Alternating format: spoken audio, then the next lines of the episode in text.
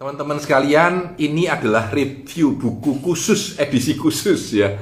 Jadi uh, judulnya aslinya adalah For Men Only, For Men Only ya.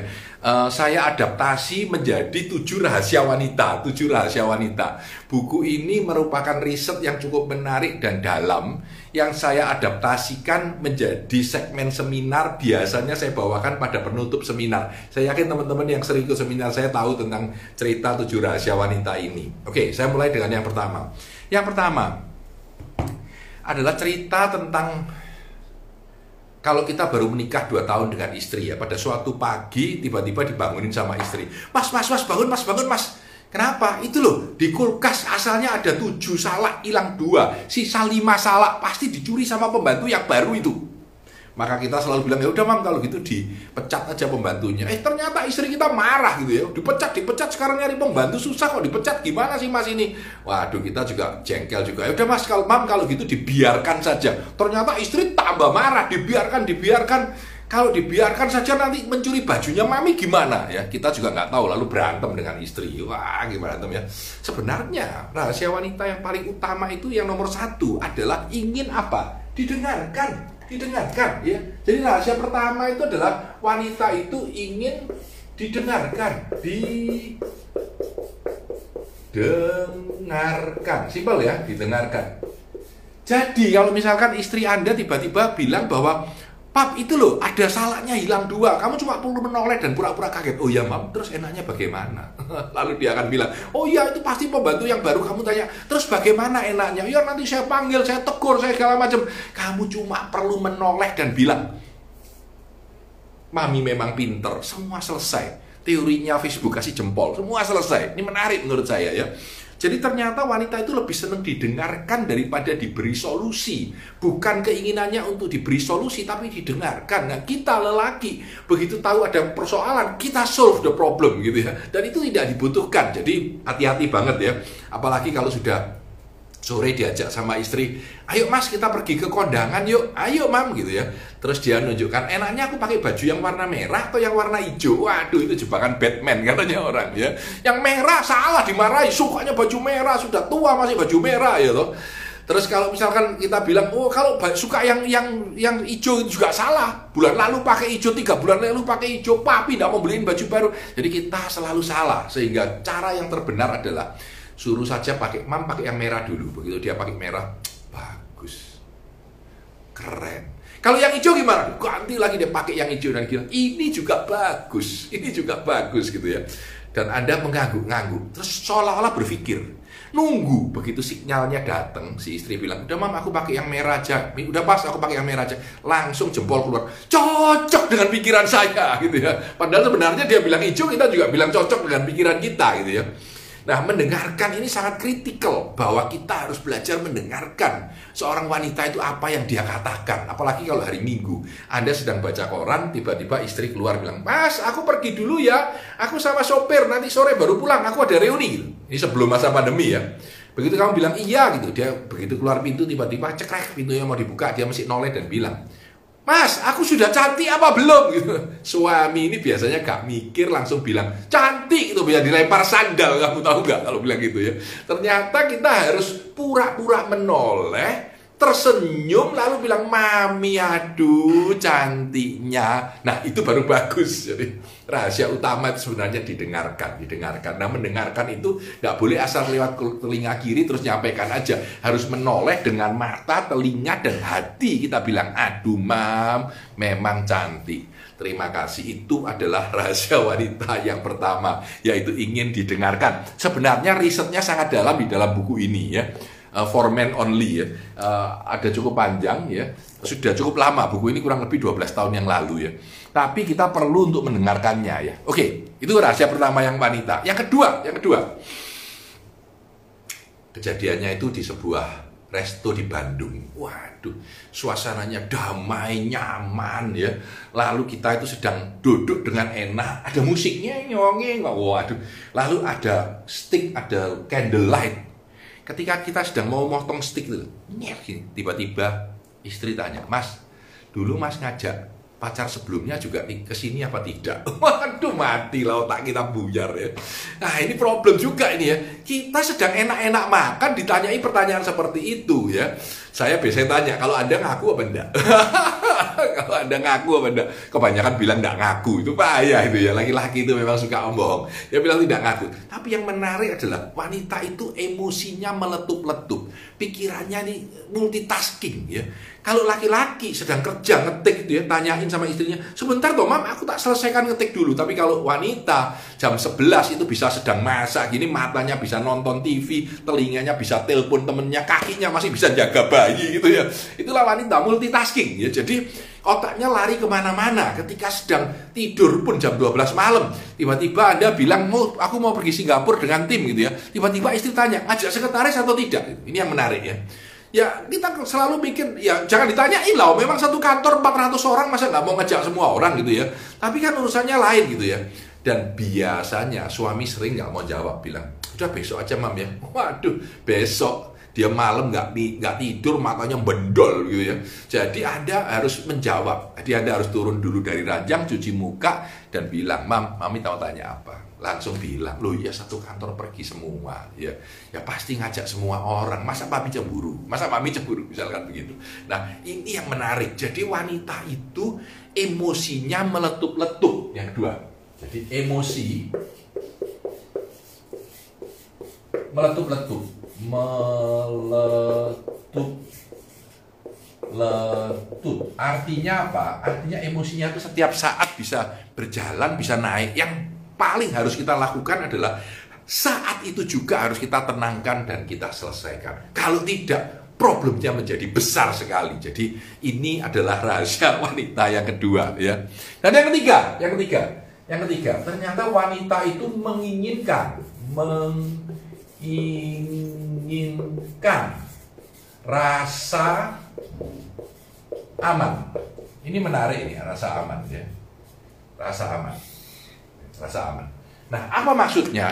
Ternyata hasil riset menunjukkan bahwa wanita itu pingin sesuatu yang aman. Karena itu dulu katanya wanita itu ditemukan dari rusuk seorang pria. Kenapa pingin aman? Tidak kepingin dia kepikiran. Gitu. Jadi karena itu kita harus memberikan rasa aman. Kalau misalkan masakan masa pandemi, masa pandemi tiba-tiba istri tanya, Mas gimana mas nanti kita makan kalau penghasilanmu dipotong 30%, wah serewat gitu ya.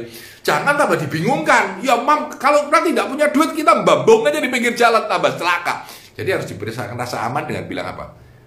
Mam, asal ada aku pasti semua beres. Semua akan aku selesaikan dengan baik. Nah itu butuh, gitu. jadi butuh sebuah perasaan aman. Ya. Bahkan ketika ada wanita punya dua pilihan lelaki, yang satu ini ganteng, hebat, keren, yang satu ini memberikan rasa aman menariknya yang dipilih adalah yang memberikan rasa aman. Karena itu orang gendut pun laku ya, asal kita bisa memberikan rasa aman. Jadi ini adalah rahasia wanita yang ketiga, menginginkan rasa aman ya dibandingkan rasa cinta. Rasa aman lebih penting.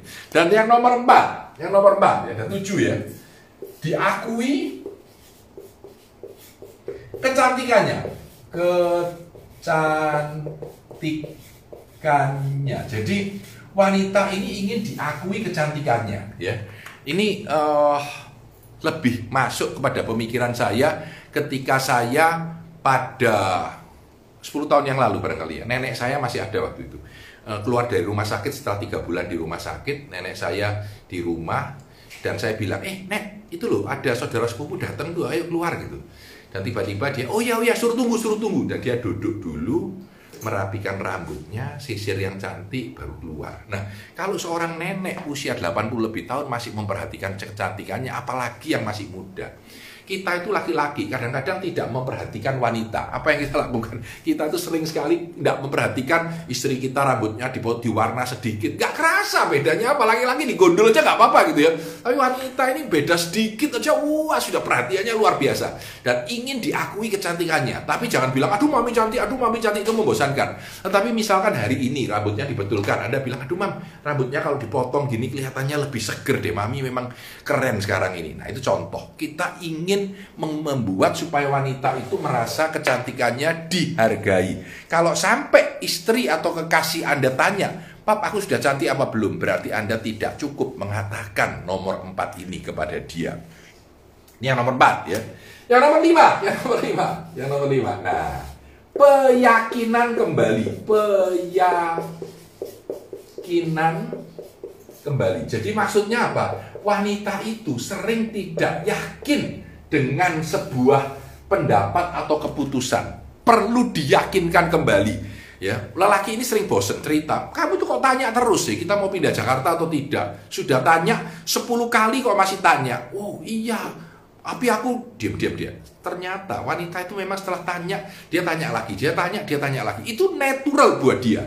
Jadi kita harus merasa tahu bahwa oh mami ini memang butuh untuk diyakinkan kembali. Contoh ya mau beli rumah pasti dia pak beli apa enggak ya Kenapa ya? Kenapa ya? Mau beli enggak? Iya apa enggak? Enggak yakin gitu. Itu natural ya. Ini juga sebetulnya menyambung dengan pemikiran nomor tiga yaitu menginginkan rasa aman. Karena dia menginginkan rasa aman, dia tidak yakin. Sehingga seorang lelaki ketika mengambil keputusan besar harus sering mengulangi kata itu kepada istri atau pacarnya ya. Eh nanti kita pergi jangan khawatir ada aku kok aman-aman gitu ya. Jangan khawatir ya Apalagi sekarang masa pandemi, Anda mau keluar dari rumah dia takut nanti kalau sakit gimana, nanti kalau ini gimana ya. Harus butuh kedamaian hati membuat wanita itu merasa damai dan aman. Sehingga sebuah keputusan besar harus Anda yakinkan kembali bahkan menurut sebuah riset. Orang yang mau menikah itu pada saat menikah kurang dua bulan tiga bulan dia tanya lagi betul nggak ya aku sudah pacaran sama dia enam bulan sekarang menikah gimana? Dan itu terjadi di mana-mana secara natural. Kenapa? Karena dia ingin diyakinkan kembali sehingga secara berulang-ulang seorang suami seorang kekasih itu harus meyakinkan kembali kepada wanita itu bahwa dia itu sudah benar dengan keputusan yang diambil. Apakah itu pindah luar kota apakah itu mau mengirim anak kuliah di tempat lain apakah itu hal-hal yang lain. Ini penting menurut saya. Ini penting menurut saya ya. Nah yang nomor 6 yang nomor 6 ini saya suka banget ceritanya ya. Jadi ada seorang eksekutif pulang dari kerja gitu Jumat. Biasanya pulang jam 6 jam setengah 7 ya. hari itu dia pulang jam 11 malam begitu dia sampai rumah mobilnya muter keren gitu sampai depan pintu pintunya dibuka begitu pintu dibuka ditunggu sama istri yang mulutnya sudah setengah meter wah gitu waduh pusing gitu ya pertanyaan pertama sang istri adalah mas ini jam berapa? Jelas ada jam di samping, tulisannya jam 11 lebih 5. Kamu mau bilang apa? Masa mau bilang, kamu gak bisa ngeliat pak, oh di situ loh, matamu di mana? Wah gak bisa gitu ya.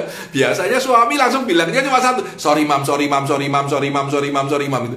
Iya, sorry sorry sorry sorry sorry tadi itu loh dari kantor pusat datang tim kita diajak makan bareng meeting gitu Kok nggak telepon dulu? Ini loh, mam liatin mam. HP ku ini lo liatin sudah lobet dari siang jam 2 sudah lobet. Gara-gara urusan kantor pusat mau datang gitu ya toh. Sudah makan apa belum? Ya tadi makan sedikit sih mam. Tiba-tiba pertanyaan istrinya, ingat gak hari ini hari apa? Sudah hari Jumat. Berani gak kamu bilang hari Jumat? Gak berani. Ya. Bilang hari apa ya, hari apa ya? Mikir, mikir, mikir. Ulang tahun bukan dengan mata yang berlinang istri bilang ini kan hari ulang tahun perkawinan kita yang ke-11 waduh sekretaris juga ngiling loh jadi celaka ini jadi akhirnya ya sudah ya imam sorry imam sorry imam sorry imam masih mau makan apa enggak? Aku tadi masak. Wah, lebih sengsara lagi. Di meja itu sudah ada makanan dari sang istri yang memang tidak enak dan dingin, ya toh. Berani kamu nggak bilang nggak mau makan? Waduh, terpaksa makan sambil duduk kayak di neraka, Mas. Sudah kenyang, mau makan sambil duduk, makanannya nggak enak. Wah, dipuasa, dimuasuk, muasuk gitu ya. Udah sengsara banget dan uh, itu mau tidur istirahat ya, istirahat. Nah, pada saat istirahat, istri masih ngetel TV kencang-kencang. Berani minta dimatikan? Nggak berani, ya sudah tidur. Besok hari Sabtu kerja, kebetulan kantornya masuk. Pada saat kerja, suami merasa, aduh iya ya, aku nggak beliin hadiah apa-apa ya. Sehingga pulangnya, dia pulang lebih pagi, mampir, mampir ke tempat mana? Mampir ke toko berlian. Di toko berlian itu, di toko berlian itu, ya. Ada sebuah kalung yang sang istri kepingin punya dan dulu minta setahun yang lalu dan tidak dibelikan. Dan suaminya bilang sama mbaknya masih ingat kok, mbak, mbak, mbak yang itu aku mau. Ya, gaji kantor tuh cuma 9 juta, kalung 34 juta ya dibeliin, suruh bungkus bawa pulang. bilang sama istri, mami, mami, mami, surprise, surprise, surprise, surprise, hadiah ulang tahun perkawinan yang ke-11. Jawaban istri apa? Kasep, sudah lewat itu kemarin katanya. Terlambat itu kemarin ya.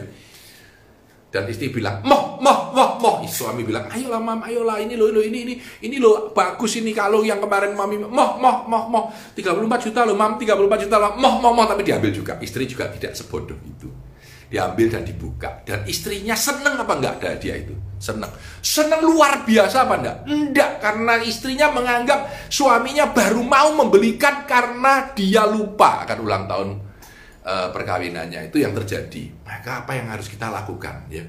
Kita mau tidak mau kita jadi rugi walaupun sudah memberikan hadiah yang mahal ya. Sebenarnya sebenarnya. Kenapa? Apa rahasia di situ yang terjadi? Ternyata rahasia keenam. Wanita itu menginginkan romantisme. Lelaki merasa buat apa sih romantis romantisan gitu ya? Sebenarnya karena wanita itu menginginkan romantisme. Sehingga kita sebagai suami, sebagai kekasih, sebagai apa pun, kita tuh harus mampu memberikan romantisme kepada kekasih kita. Karena itu sebenarnya salah satu rahasia yang diinginkan oleh wanita. Dan yang terakhir, yang ketujuh, apa yang diinginkan wanita itu rasa dibutuhkan. Rasa dibutuhkan. Ya, rasa dibutuhkan.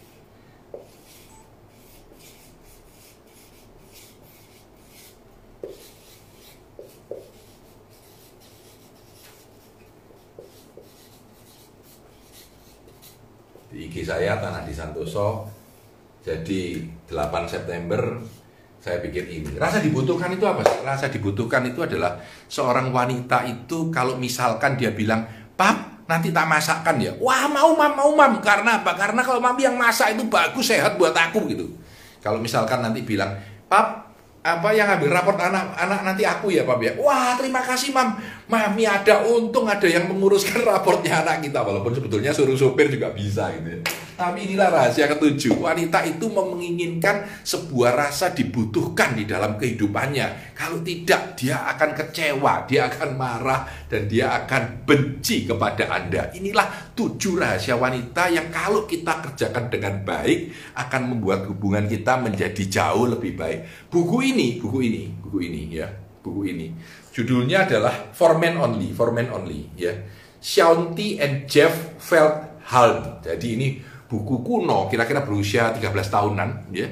12-13 tahun yang lalu saya beli dan merupakan landasan dari cerita-cerita tujuh rahasia wanita ini. Walaupun tidak urut seperti itu tapi kira-kira 80% dari cerita ini atau landasan pemikiran riset ini itu berada pada buku ini ya. Dan saya sharingkan buat teman-teman untuk menikmati dengan mudah sebuah buku tentang tujuh rahasia wanita. Saya Tanah di Santoso Sukses selalu untuk Anda. Terima kasih. Selamat menikmati review-review buku yang sudah lebih dari 100 saya bikin ya di IGTV saya Tanadi Santoso. Jadi saya tiap pagi bikin review-review buku seperti ini yang bisa dinikmati biasanya 10 menit sampai 15 menit dan sangat berguna buat Anda. Terima kasih, salam sukses dari saya Tanadi Santoso.